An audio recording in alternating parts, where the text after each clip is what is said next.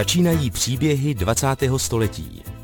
Pravidelně v tomto čase se pokoušíme osvětlit známé i zapomenuté události moderní historie. Vyprávíme osudy, na které se zapomnělo nebo se mělo zapomenout. I české dějiny mají své hrdiny a zbabělce, temná období i chvíle velkých činů.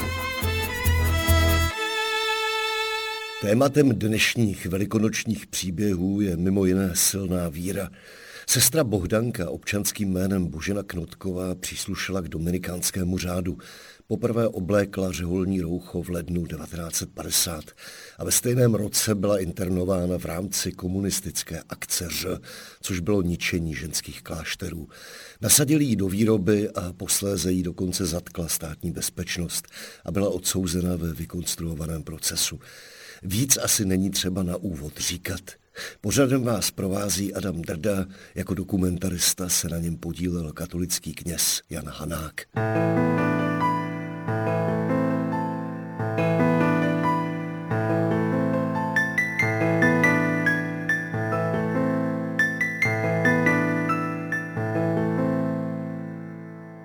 Jmenuji se Božena Knotková, tatínek Josef Knotek. Já jsem se narodila 1. června 1931 ve Vlčnově, to je byl okres Uherské hradiště. Bylo nás sedm sourozenců, tak jsme byli dost velká rodina. Tam jsem chodila taky do, do školy, teda celou školní docházku ve Vlčnově. Potom jsem eh, šla do Bojkovic, tam byly sestry dominikánky, měli siročinec a měli taky ško, takovou školu pro děvčata, která třeba se chtěla vdávat a naučit se vařit a šít a domácí práci. Tak jsem tam taky šla, tam se vyučovalo no všechno, jako v normální škole a navíc to šití a vaření. A tam jsem byla velice spokojená, tam se mě to líbilo. Oni se mě líbili, že byli takové, tam byl siročinec děti, tak byli k těm dětem velice hodné, laskavé a pěkně je vychovávali. A tak tam jsem si taky eh, rozhodla pro klášterní život. Jedna sestra se mě ptala, a Boženko, nechtěla bys jít do kláštera? Já jsem říkala, no a bych šla, ale já se bojím stíhodné matinky to byla představená a ředitelka školy a byla na nás jako přísná. A ona říká, ne, to, bys, to se neboj, to je potom jinačí. Tak jsem si jako přihlásila, oni mě zapsali v Olomouci Řepčině a po dokončení té školy tam v Bojkovicích, tak jsme jeli ještě s pěti děvčaty do Olomouce Řepčina, tam byl mateřinec sester Dominikánek tak tam jsme se jako přihlásili za, za čekatelky. A tak ujala se nás velmi hodná sestra, in Violeta, tak nás bych prostě vycho, dovychovávala a připravovala na řeholní život. To bylo v kterém roce? Tak 1947 asi, nebo 8. Asi 1948. Ano tak ona nás vedla, tomu se říkal tehdy, že jsme čekatelky. Vzpomínala sestra Bohdanka. Brzy po komunistickém převratu v 48. roce se bolševická persekuce církví a především římskokatolické církve rychle rozběhla na plné obrátky. Roku 1949 byla přijata série proticírkevních zákonů. V březnu 1950 se konal monster proces s představiteli mužských řádů. V následujícím měsíci proběhla první etapa akce K, neboli likvidace mužských klášterů. Na to navázala již zmíněná akce Ř, tedy ničení ženských řádů a internace řeholnic, kterých bylo v Československu asi 11 tisíc. Řádové sestry byly odváženy do tzv. centralizačních středisek. Podstatná část z nich měla být využita k práci v průmyslu. Pokračuje sestra Bohdanka v letech 49 až 50, takzvaná čekatelka a posléze novicka v Bojkovicích. Novicky podle komunistických záměrů neměly jít do internace, ale v uvozovkách do civilu. Potom v roce 1950 jsme měli obláčku. A to už nás přibylo, že připojili se ještě jiné sestry, teda čekatelky z jiných klášterů, tak nás bylo celkem sedmnáct. A v tom 50. roce, 15. ledna, jsme měli obláčku všech těch 17 děvčat a už jsme byli jako řádové sestry a novicky. Jenže ta doba jako se velice měnila a ve státě to bylo taky takové pochybné a divné a přicházely různé zvěsti, že, že doví, co bude a že tam a tam ty sestry už propustili své novicky nebo čekatelky, že je poslali domů, protože nevěděli, jako co se stane, aby oni neměli teda strach. A na, naši teda ty naše představené nás chtěli taky poslat jako domů. Přišla novismistrová a říkala, nachystejte si eh, civilní oděv, kdyby bylo potřeba, tak za, aby se za dvě hodiny zmizeli z domu. A tak my jsme ale začali všechny jako na povel plakat, že nepůjdeme domů, že půjdeme s nimi. Jako. Tak ona se tam vrátila a tlumočila jim to tak oni se rozhodli, teda, že nás nechají a že teda nás vezmou sebou. Do, do teďka jsme nosili bílý závoj a to nosili jenom novicky. A ti komunisté věděli, kdo je to novická a že nosí ty bílé závoje, ale dali nám černé závoje, tak jsme je tak trochu spletli. V září 1950 si museli sestry v Bojkovicích zbalit osobní věci a nastoupit do autobusu. Časně ráno přijel autobus a že se máme hore oblíz a vzít si nejpotřebnější věci. To už jsme měli nachystaný kufčík a šli jsme teda ven do autobusu. Jedna sestra si všimla, že tam naproti v příkopě byl jakýsi člověk, a žehnal nám. A to byl Pátr z Křelova, já už nevím, jak se jmenoval, tak dával nám požehnání na cestu. Tak jsme jeli, jeli, to bylo ještě za tmy, pak už se rozednívalo a my jsme pořád jeli, nevěděli jsme kam. Až potom k polednímu eh, zastavil autobus v nějakém městě, nevěděli jsme, co je to zač, ale potom je, někdo to zjistil, takže jsme v Terezíně. A já jsem se trochu polekala, já nevím, jak druzí ale to prožívali, ale já jsem trochu spolekala, protože jsem slyšela, jak to bylo v Terezíně za německé okupace. No ale tam jsme dlouho nepobili, jeli jsme potom dál. Až později jsme se dověděli, že tu přestávku měli oni nařízenou, aby nás lidé neviděli, že teda tam jsme, že tolik sester, protože za poledne tam nikdo v tom Terezině u toho, u toho vězení nebyl.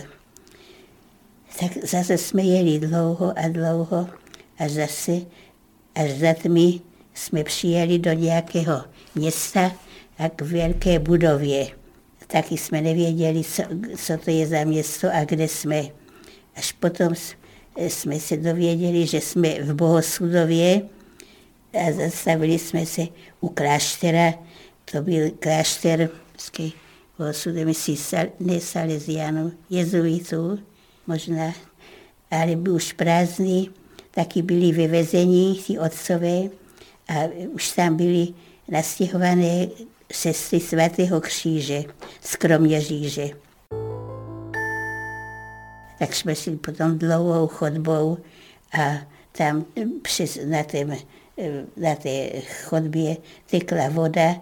Já jsem si říkala, jejda, to je takové, co tady teče voda a nikdo to nespraví. Tak nás zavedli do jedné místnosti a to, že byla učebna. No ale tam nebylo vůbec nic, jenom jediná skříň, která měla vyražené dveře. Že byla taková teda už hodně poškozená. A tak nás bylo 17 a teďka si říka, jsme si říkali, tak kde a jak budeme spát. Tak Nový Světová řekla, že si máme sundat ty zástěry černé, co jsme měli na sobě a dát je na podlahu a na to si máme lehnout. No tak jsme to tak udělali a ona spala s náma, tak všech osmnáct tam bylo. Brzo ráno nás někdo zbudil, že ho nemáme jít pomáhat, že přijelo auto a že nám přivezli nějaký nábytek. Oni nám dovezli ty naše postele a matraci a nějaké ještě, nějaké ještě vě, věcičky. Tak potom jsme měli aspoň kam si uložit třeba nějaké to šatstvo, co, co jsme měli na sobě. Vzpomínala řeholnice dominikánka sestra Bohdanka občanským jménem Božena Knotková. Posloucháte příběhy 20. století.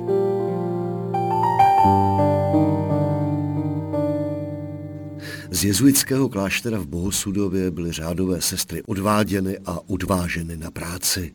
Pár dní uplynulo, ale teď, eh, pravda, my jsme jako novicky do toho neviděli, ale pak se to dově, jsme se to dověděli, ty eh, představené měli, eh, měli jiné starosti a jiné to, takže jak se budeme živit, že musíme jít někam do práce. Tak se tam zháněli v Osudově, že byla nějaká továrna Kaolinka, tak tam se uchytilo pár sester a potom ve Vrchoslavi tam byla nějaká továrna na broušení strojů, takové, brousili se tam, nevím, jak to mám pojmenovat, nějaké šrouby, tak jenomže to mělo zvláštní, to, to se muselo, eh, tam byl stroj, kde byl olej, ten tekl neustále a my jsme museli tu součástku tam jako přikládat a velice to stříkalo na, na člověka. Tak my jsme byli celé postříkané tím olejem, jsme neměli žádné ochranné oděvy nebo něco. Tak potom sestry svatého kříže se nad námi smilovali a půjčili nám nebo darovali svoje takové pracovní zástěry, tak tím nás zachránili aby jsme si potom opatřili takový oděv taky a takové zástěry, abychom byli chráněni. Komunistický aparát přesouval řeholnice z místa na místo. Podle jednoho z dobových dokumentů mělo být, cituji, dosaženo postupného a pokud možno dobrovolného soustředění jeptišek a jejich pracovního využití na poli průmyslu. Konec citátu. Řeholní sliby skládaly sestry tajně. Bohdanka poprvé v roce 1951. Z Bohosudova se dostali na práci do Varnsdorfu, pak byly rozdělovány. Skupina sestry Bohdanky skončila v podniku Texlen v Horním Maršově. Nezdrželi jsme se, to jsme se každou chvilku stěhovali. Potom nás dělili nejmladší do 30 let, potom do 50 let, sestry a potom jako vyšší věk, tak sestry do 50 šly do krásné lípy, do nějaké továrny a ostatní nad 50 a starší do, do Broumova. Tak my jsme šli do toho Vansdorfu a byli, tam nám dali práci. Byla tam velká továrna na na výrobu punčoch. Tak do té elite se to jmenovalo. Tak jsme byli přijati do té továrny, kde jsme se velice brzy zapracovali a ty, ty mistři a ty vedoucí byli s námi velice spokojeni, že jsme měli krátkou tu dobu zauční a brzo jsme prostě odváděli dobrou práci. Jenže tedy se mi osvětlilo to, že jim nezáleží na komunistům nezáleží na tom, že ta továrna se zmohla, že prospívá a že jsou spokojeni s, s dělníkama a to. Tak zase nás dali pryč, tak každého půl roku jsme se stěhovali. Tak pro tu továrnu to muselo být taky veliký, taková ztráta, že tolik lidí rázem jim odešlo a výroba vázla, ale jim to nevadilo tak zase nás teda vyvezli a až cestou v autobuse nám řekl nějaký ten referent, že se rozdělíme na polovinu. Že prostě každá půlka půjde jinak. A tak to nás taky velice překvapilo. My jsme byli rádi, že jsme byli spolu všechny. A tak představení naši určili, jak která sestra by kam mohla jít, aby bylo všechno zastoupeno. Kuchařka, pradlina, uklízečka a tak. A zase jsme jeli, to byli te, tentokrát Krkonoši. Já jsem se dostala do Maršova, to je jak je Sněžka, pec pod Sněžkou a tam, tam je Maršova, tak jsme byli opravdu v Krkonoších. A druhá polovina ve Svobodě nad Úpou. Tak to bylo taky v Krkonoších tam. Jo, tak jsme tam chodili do toho Texlinu a ze začátku to bylo velmi kruté, protože jsme byli přiděleni některé do prašárny, to, byl, to byla místnost nebo sál, kde se zpracovával len a tam se velmi, velmi prášilo. My jsme mysleli, že se tam zadusíme, tak si, jsme si zavázali ústa kapesníkem, ale to nepomohlo. No ale časem jsme si zvykli, jako ostatní lidé. Tak tam jsme pracovali. Brzy jsme si to naučili a to. To už se psal rok 1954. Sestru Bohdanku čekala další zkouška. Měla být z absurdních důvodů obviněna, využita ve vykonstruovaném procesu a odsouzena za přečin, který ani v podmínkách pokřeveného komunistického práva žádným přečinem nebyl.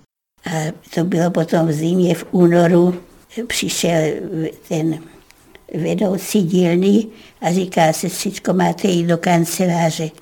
Vedoucí se vás chce na něco zeptat. Tak jsem zastavila ten stroj a hned jsem odběhla do té kanceláře. Tam byli dva muži, my jsme od státní tajné bezpečnosti, že jak se jmenujete, Seknotková Božena. Já jsem říkala ano. Půjdete s námi, vytáhl legitimaci komunistickou a říkal, půjdete s námi, my se vás potřebujeme na něco zeptat. Já jsem říkala, tak se zeptejte e, tady. A on říká, tady to nejde, my máme na to místnosti. Tak jsem teda šla první, otevřela jsem dvoře a těsně u dveří bylo přistaveno auto, které tam tehdy nebylo, když jsem šla. Oni ho měli schované za rohem. Tak mě chytil za rameno a strčil do auta eh, mezi sebe. Tam byli dva, dva ty úředníci. A zabouchl dveře a už jsme jeli. A teď já jsem viděla, že vyjíždíme z Maršova. A ptala jsem se tak naivně, prosím vás, a vrátíme se do skončení pracovní směny? A on říkal, no to bude záležet na vás. Tak a posadil mě mezi sebe, tam mezi toho jednoho a toho druhého. A tak si začal vyptávat, odkud se má na rodiče a tak. A já jsem neodpovídala, protože jsem byla tak hrozně zaražená a tak prostě jsem nemohla. A on říká, no to nevadí, my to stejně máme tady všechno napsané. A tak mě z toho četl, tak měli všechno o mé rodině napsané. Potom ve velkém městě nějakém zastavil zas u velikánské budovy, zapískal a otevřelo si okno a někdo hodil oknem klíč. Tak on ten klíč vzal a prostě tím odemkl tu velkou budovu. A to byl soud eh, v Hradci Králové. Tak jsme byli v Hradci Králové. Jsme šli do prvního poschodí a on mě nechal stát na schodech, říkal, počkejte tady, já půjdu ohlásit, jakože už jsme přišli. Já jsem teda osaměla a bylo to takové, to se těžko dá říct sama v cizím domě, jsem nevěděla, co bude, jak bude. Tak jsem čekala a potom on přišel a vzal mě sebou teda a vedl kam si nahoru do nějaké kanceláře a tam už sedělo asi pět mužů a tak on mě tam teda posadil A teď oni se mě začali zase vypsávat, a tak já jsem prostě, ani jsem taky jim neodpovídala. Prostě, že nevím nebo neznám to a to. Jo, a že jestli znám Mališka, to byl místní farář v Maršově. Já říkám, no znám. On k nám, jsme chodili do kostela, že, a někdy měl u nás při svatou tam na, na chatě. A tak potom on říkal, no, protože jste se provinila, zůstanete u nás. A ti muži už odešli a přišel eh, ten, co chodil po chodbě, ten dozorce a teď prostě mě vytáhl z té místnosti a zavázal mi oči. Měli takové plátěné brýle na, pro ty vězně. Teď jsme šli dlouhatánskou chodbou a to byla celá vedle celý. To už teď jsem si říkal, už vím, jak vypadá vězení. A to bylo celé poschodí takové a několik poschodí. A tak já jsem nevěděla, kam jdem a co. Tak nahoru, dolů, doprava, doleva. Potom zastavil u jedných dveří, otevřel je, strčil mě tam a zamkl hned. A já jsem byla jak, jak omračena. To už bylo odpoledne dost, ale ještě bylo světlo. V tom pokoji byla jedna paní a říkala, vítám tě. Já říkám, děkuji. A tak potom ona říkala, no ale už je po večeři. Já jsem říkala, to nevadí, já bych stejně nemohla jíst. A potom říkala, ale už bude večerka, potom musíme jít spát. A tu se otevřelo okýnko ve dveřích, tam bylo ve dveřích v každém e, okýnko a nějaká ruka tam dala hrnek asi s kávou nebo čajem a kousek chleba. Ale já jsem to nejedla, nechtěla jsem, nemohla jsem. Tak šli jsme spát. Já jsem si říkala, tak jak já mám jít spát, já nic s sebou nemám. A to tak jsem si jenom sundala tu zástěru a, a ten pracovní plášť a zůstala jsem jako tak to a vyzula boty. No to byla hrozná teda noc. Sestra Bohdanka, které v té době bylo 23 let, neměla tušení, proč se ocitla ve vazbě. V té době také nevěděla, že byla zatčena i další řádová sestra Malvína, občanským jménem Miroslava Černá. Posloucháte příběhy 20. století.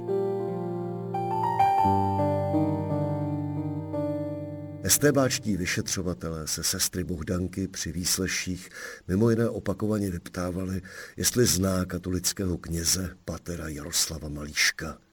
Potom ráno přišel zase nějaký dozorci, vzal mě sebou a šli jsme do skladu a tam mě dali na oblečení pánské tyto podvlékačky a takové zelené kalhoty a kabátec zelený bundu. A tak to jsem si měla jako oblec. Tak jsem si to oblíkla no a vrátili jsme se zpátky. A potom už začaly zase výslechy. Jsem měla jednoho pána, tak to zase bylo, že zase odkud jsem a to, tak jako předběžně a potom co, že jestli toho mališka znám. Já říkám, tak to je kněz, jsme chodili na mši svatou, tak, tak ho znám jako to. Já jsem vůbec nevěděla, proč tam jsem, a co jsem udělala. Během výslechu vyšlo najevo, že pater Jaroslav Malíšek pomohl několika lidem, polským bohoslovcům, kteří přes Československo utíkali na západ. Nechali u sebe přenocovat. On asi ten otec Malíšek, on jim teda dal večeři, pohostil je a nechal je u sebe přespat. A tak jim prokázal dobrodiní, no ale jak to dopadlo? Oni šli Jo, a že pri u Plzně, že jich chytli, že to byli Poláci, kteří utíkali do západního Německa. Tak potom je jako chytili a zavřeli a toho Patra Mališka taky vza, potom vzali a zavřeli taky, že jim prostě pomohl. Příběh těch dvou mužů neznám, protože oni je potom taky zavřeli, tak jak to s nima dopadlo, tak to já nevím. Pater Malíšek byl zatčen v prosinci 1953 a obviněn, že pomohl uprchlíkům. Sestra Bohdanka se do případu dostala tak, že spolu se sestrou Malvínou byli s otcem Malíškem v kostele a sestra Bohdanka ty dva polské muže potkala a ukázala jim cestu. Jo, a oni se ptali, kde je fara. A já říkám, tam jenom kousek, však to uvidíte. A oni, že kde ví, že neví. Tak já jsem v té, z toho kostela, jak jsem šlapala ty, ty varány, tak jsem s nima zběhla před kostela a říkám, tam je fara. To mě vytýkali, že jsem neměla e, ukazovat faru, ale měla jsem to uhlásit na bezpečnosti. Tak to byl, to byl prohřešek můj. No že jsem já, tak já jsem nemohla vědět, že jsou to Poláci a že utíkají, že? Ale však to, nic jsem s nimi neměla, jenom jsem ukázala prstem na tu budovu, na tu farní budovu. A to bylo všecko. Já jsem to nepovažovala za nic, že já jsem nevěděla ani potom ani kdy to bylo, ani jsme se sestrou už o tom nemluvili, ani jsme to doma neřekli sestrám, ani nic, protože že toto. A tak potom ani jsem nevěděla, kdy to bylo. Tak pak jsem se dověděla na výslechu, že to bylo v říjnu, tak dlouho to všechno prošetřovali. A pak byl nějaký soud nebo něco? No však, ano, tak potom, no tak oni uznali, že jsem se providěla, že jsem jim eh, nemoh, neměla ukazovat, kde je farní úřad, ale jít hned na bezpečnost a ohlásit to. Já si to během výslechu jsem si to dověděla. Já jsem říkala, pane, prosím vás, já nejsem žádná udavačka. Myslíte, že tak, když se vás někdo na ulici zeptá, kde někdo bydlí, tak vy to půjdete hlásit na bezpečnost? Přece to, to nic nebylo. Jako to, no, a tak to oni neuznali. No. Potom byl soud, že? A tak jsem byla ještě i s tou sestrou Malvinou, odsouzení jsme byli na sedm měsíců. A to bylo v těch Pardubicích, ten soud.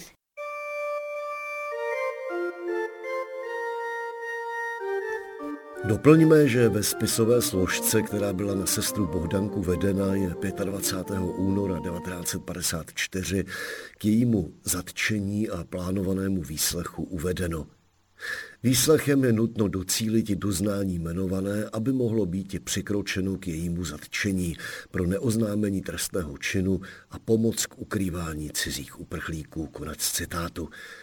Fyzický nátlak sestra Bohdan nezažila. Vyšetřovatelé ale používali nátlak psychický. Vyhrožovali jí například, že když se nepřizná, zavřou všechny řeholnice z Maršova. Velmi často ji také stěhovali z jedné cely do druhé a jako spolubydlící k ní dali nastrčenou ženu. Pater Malíšek byl odsouzen na čtyři roky a devět měsíců a k doživotnímu zákazu kněžské činnosti. A, jak už zaznělo, sestry Malvína a Bohdanka dostali trest sedm měsíců vězení za napomáhání k trestnému činu opuštění republiky. Byly přemístěny do pardubické ženské věznice. Pardubicích bylo hodně žen, hodně žen. Já jsem byla úplně překvapená. Tam bylo, to si pojmenovali, ale sestry sami, tam byly řádové sestry, matka Vojtěcha Boromea a ještě další známé, tak oni si to pojmenovali na Vatikán a potom hrad. Je tam byla Ruženka Štěpničková, Jiřina Štěpničková a ty takové ty přední osobnosti našeho národa. Jaké to bylo v tom vězení? Jak jste tam žili? No, tak pracovali jsme, tam byly různé dílny. My jsme se dostali do dílny mezi ženy, kde eh, opracovávali eh, takové kůže. To byly kůže, je, já nevím, jestli je ze vsu nebo čeho. A to se strhávala ta vrchní ty sptonky a zůstávala jenom taková nízká, nízké ty chloupky a oni z toho dělali asi kožichy nebo já nevím co. Tak to jsme strhávali. E, to, to, tak to bylo naše zaměstnání. Tak to a vy jste e, e, jinde zmiňovala, že vy jste byli zavřené na sedm měsíců, ale ty ostatní ženy na mnoho, mnoho let. A to byl takový docela vtipný příběh, co jste říkala, nebo psala někde, že jste se možná trochu i styděli za to, že jste zavřené ne tak málo. Ano, ano, ano.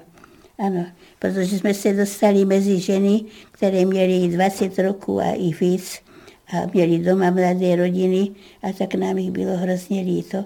Tak, tak, tak nic, no, tak jsme se s nima kamarádili, měli jsme se rádi a také jsme si společně modlili. V neděli jsme se taky zhoukli do, do to, taková skupinka, ale tak my jsme nepátrali po jejich, jako co udělali nebo to. Jedna nám jenom řekla, že jako děvče s kamarádkou, že jak se smáli nebo co si, tak říkala, já bych nejradši utekla do západního Německa, ale to nejde. A tak někdo to udal, jestli ta kamarádka to, a tak ji zavřeli. A měla čerstvě po svatbě, to bylo takové bolestivé. Potom se jí narodila ceruška a měla ji několik měsíců u sebe a potom musela babička pro ně přijet, pro ní, tak jí to vzali. Tak takové všelijaké smutné případy tam taky byly. A sestro, jaké to bylo Protože vím, že matka Vojtěcha Hasmandová o tom taky později mluvila, že to bylo velmi krušné být v tom vězení bez možnosti svátostí, bez Eucharistie, bez povědi. Aha. Jak jste to prožívala vy?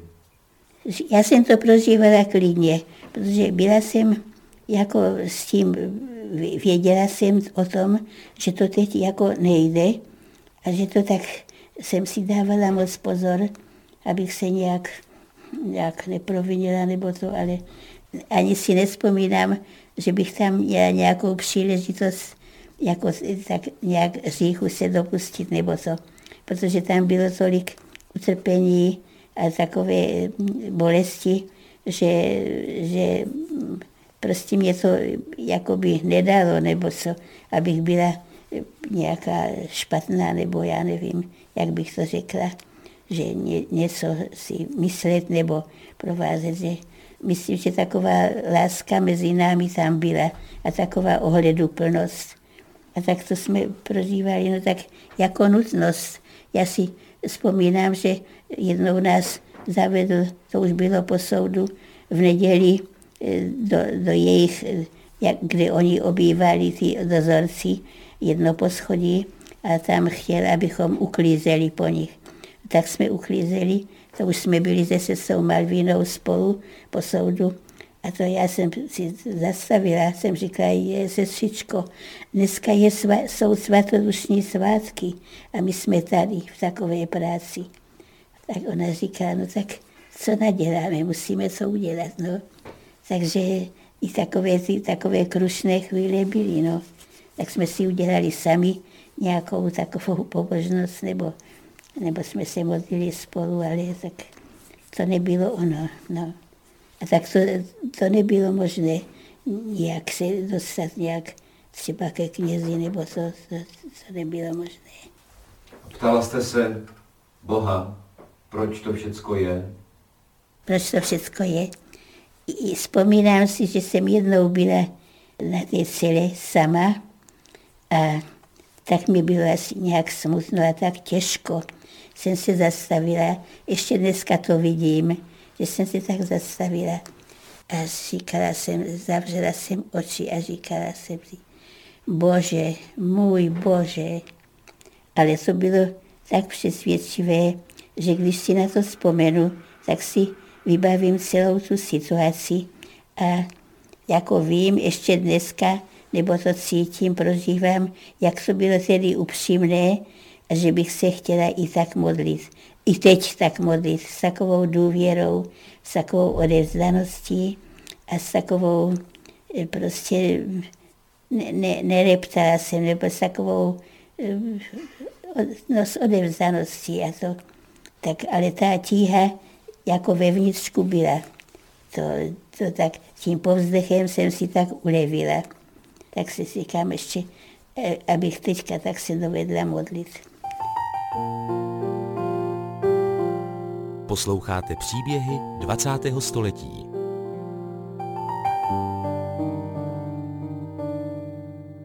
Sestra Bohdanka vzpomínala, že na otázku, kolik let dostala u soudu, odpovídala zpočátku jen sedm a neříkala, jestli měsíců nebo let. Styděla se prý za svůj krátký trest před spoluvězenkyněmi odsouzenými na 10 nebo 20 let. Z Pardubic byla propuštěna spolu se sestrou Malvínou ještě v roce 1954. Mířili do centralizačního kláštera v Broumově. Kdy vás vlastně pustili? V kterém roce, v kterém dní? To bylo v 54. roce.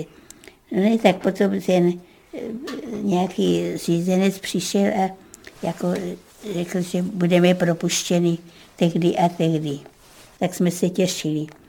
A jednou v neděli on přišel, že dělal takovou eh, z vizitu vždycky nebo překvapení, ten ředitel věznice, ne, nebyl to moc hodný člověk podle nás, on tam chodil jenom na výzvědy, přišel obyčejně v neděli dopoledne a tak my jsme byli po těch skupinkách, taky jsme se jako modlili a tak někdo vykřikl náčelník. Tak všechno se to rozprchlo a každý musel jít ke, do svého pokoje, ke své posteli a postavit se do pozoru. Tam nás bylo asi 20, tak jsme se postavili, Mazvina a já, e, k té posteli naší a čekali jsme. Tak on šel od jedné postele k druhé a vždycky něco řekl. A potom přišel ke mně, já jsem byla tak na kraji a on říkal, vy jste Knotková Božena, že? Já jsem říkala, ano. A on říkal, že máte jít brzy domů, že? A já jsem říkala, ano. A on říkal, já vám říkám, že do kláštera se nevrátíte. A šel dál. Tak my jsme si říkali, jejda, co zas pro nás chystá, jestli nám to chce prodloužit, nebo, nebo co, nebo jsme něco udělali, nebo co. Tak jsme měli takovou starost, protože za týden jsme měli jít domů. Tak se nic nedělo, šli jsme, začal nový týden, tak jsme šli jako do práce a přišel ten den a já jsem si říkala, že to už bude nějaké, toto, nějaké chystání nebo to a nic. Celé dopoledne jsme byli v té práci, vůbec nikdo nepřišel, nic se nedělo, nikdo nás na nic nepsal, tak jsme si říkali, no, oni nás asi dneska nepustí. No ale přišel, bylo odpoledne, kolem třetí nebo čtvrté hodiny. Oni potom jsme se dověděli, že oni pouštějí v tu hodinu, kdy, kdy zavřou, kdy zavírají jako to, toho vězně, kdy tam přijde. Potom pro nás přišel kolem čtvrté hodiny nějaký ten řízenec a vedl nás do skladu a jsme se převlékli do našich šatů. Jsme tam měli hábity a ježeholní, tak jsme se oblékli jako sestry. A šli, teda šli jsme k, br- k té bráně. Oni se nás ptali, jestli jsme měli nějaké šperky, zlato nebo peníze. My jsme neměli vůbec nic. Tak oni nám museli dát asi na cestu, tak, že kam půjdeme. My jsme říkali, no pojedeme do Broumova. A tak nám dali na, na tu cestu. A tak jsme teda jeli a ve vlaku jsem uviděla toho jednoho dozorce, že jede taky tím vlakem. Já jsem se lekla, jsem říkala, že snad, on nás snad bude hlídat i tady, nebo co. Ale tak on jel asi z práce domů. Tak jsme dojeli do Bromva kolem desáté hodiny večer. Dvě sestry na nás čekali. Nevím, jestli jim to někdo oznámil, nebo jak se to dověděli. To jsem se nezeptala. Tak už jsme byli doma, no. Broumov to bylo to byl takový koncentrační klášter pro všechny možné ženské řehole, že? Ano, tam nás bylo dvě stovky. Tam byly všechny možné řády. Dvě stovky nás tam bylo opravdu. Ale tam se tak žilo, jako bych řekla, ne dobře, ale každá komunita si žila jako spolu, pospolu. Většinou jsme měli každý svoji kapli a tak, taky asi tam byli tři kněží, takže tam to bylo takové, už to, to ne.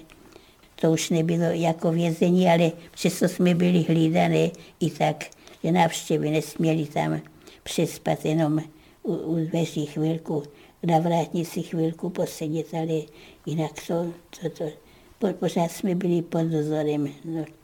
A to bylo náročné, že jste vlastně nemohli dělat to, co bylo ne. spiritualitou vašeho řádu. Ne pak, to, to, to ne, vůbec nic.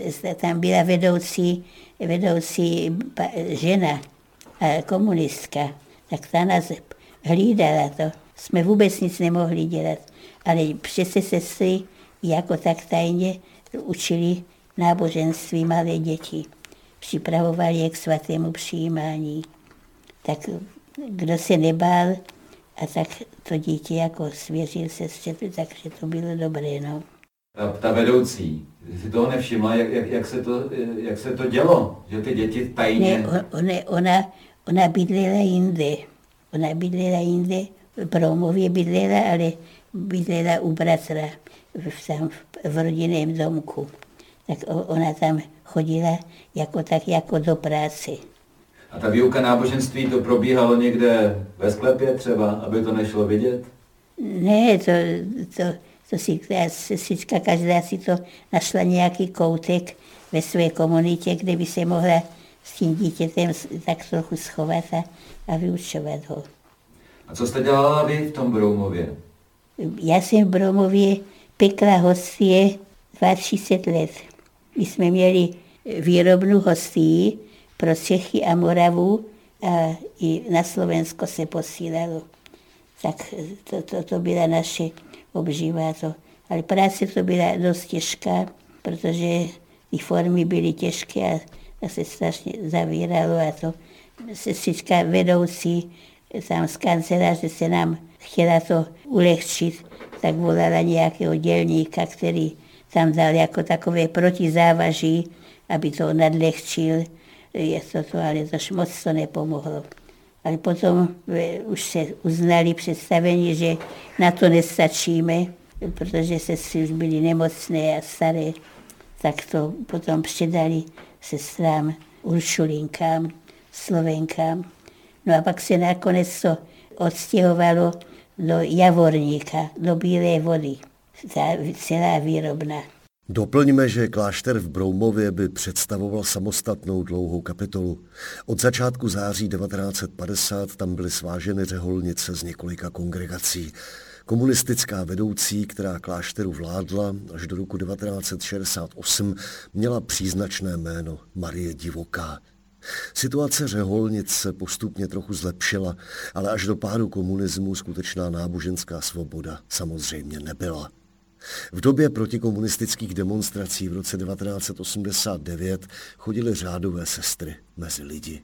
Ano, že je, potom už jsme, už jsme chodívali, i jak to bylo třeba na náměstí, nějaké to si, si, zhromáždění lidí, tak my jsme taky na to šli s nimi to prožívat jak už to bylo volnější, víte, ale lidé si nás ještě trochu báli, že tak s náma měli nás rádi, s námi mluvili, ale tak, aby je nikdo neviděl. Potom už bylo teda volněji a vybídli nás, jestli Charita nebo už já nevím kdo, aby si každá komunita našla svoje, nějaké bydlení, prostě nějaká, nějaký klášter nebo to, kam by se mohla z toho Bromova odstěhovat. A tak už to tam potom tak zaniklo. My jsme byli poslední, my jsme naši nemohli nic najít. Tak potom se, se rozhodlo, oni říkají, tak si něco postavte. Tak začali stavět tady ve Střelicích, tady ten barák. A ještě mě zajímá, vy máte krásné řeholní jméno, Bohdanka. Takové netypické, bych řekl. E, jak jste k němu přišla, k tomu jménu?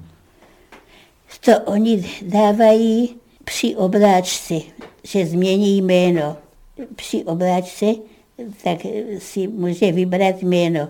Já jsem si vybrala, že bych se chtěla jmenovat Damiana.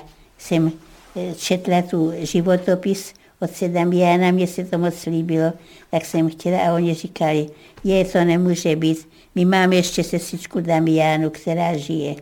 Tak potom mě, mě dali tady toto. No. A druhé se si dostali jméno, které si vybrali. A jak se vám líbila Bohdanka? Jak se líbila, to já jsem o ní moc nevěděla, tak ale tož líbilo se mi být Damiana. tak ale to nejde, to už nejde protestovat. tak už, už jsem se s tím srozuměla, už jsem to přijala, tak, tak už celý život s tím žiju. Tak, tak už to mám ráda, no. Vzpomínala sestra Bohdanka občanským jménem Božena Knotková. O komunistech a svém životě řekla. Tak byli zaslepení a neviděli, tak oni nechtěli asi s Pánem Bohem nic smít a prostě to je nevěra. Já, to, to já jako ne, neznám, co, co takový lidé prožívali. Odpustila jste jim? Ale odpustila, ano, já to nenosím v sobě ani to. to a, jsem právě za některé okamžiky jsem zvlášť vděčná, že jsem mohla to prožít tak, jak jsem to prožila, že podle, podle tehdejšího poznání nebo to, tak jsem si říkala, že je to tak dobré. A, a opravdu jsem i cítila boží pomoc a přispění v těžkých chvílích. To můžu říct a dosvědčit, protože jsem to zakusila sama na sobě. Sestra Bohdanka zemřela ve vysokém věku v roce 2021. A to je konec dnešních příběhů 20. století. Za pozornost děkuje a loučí se s vámi Adam Drda.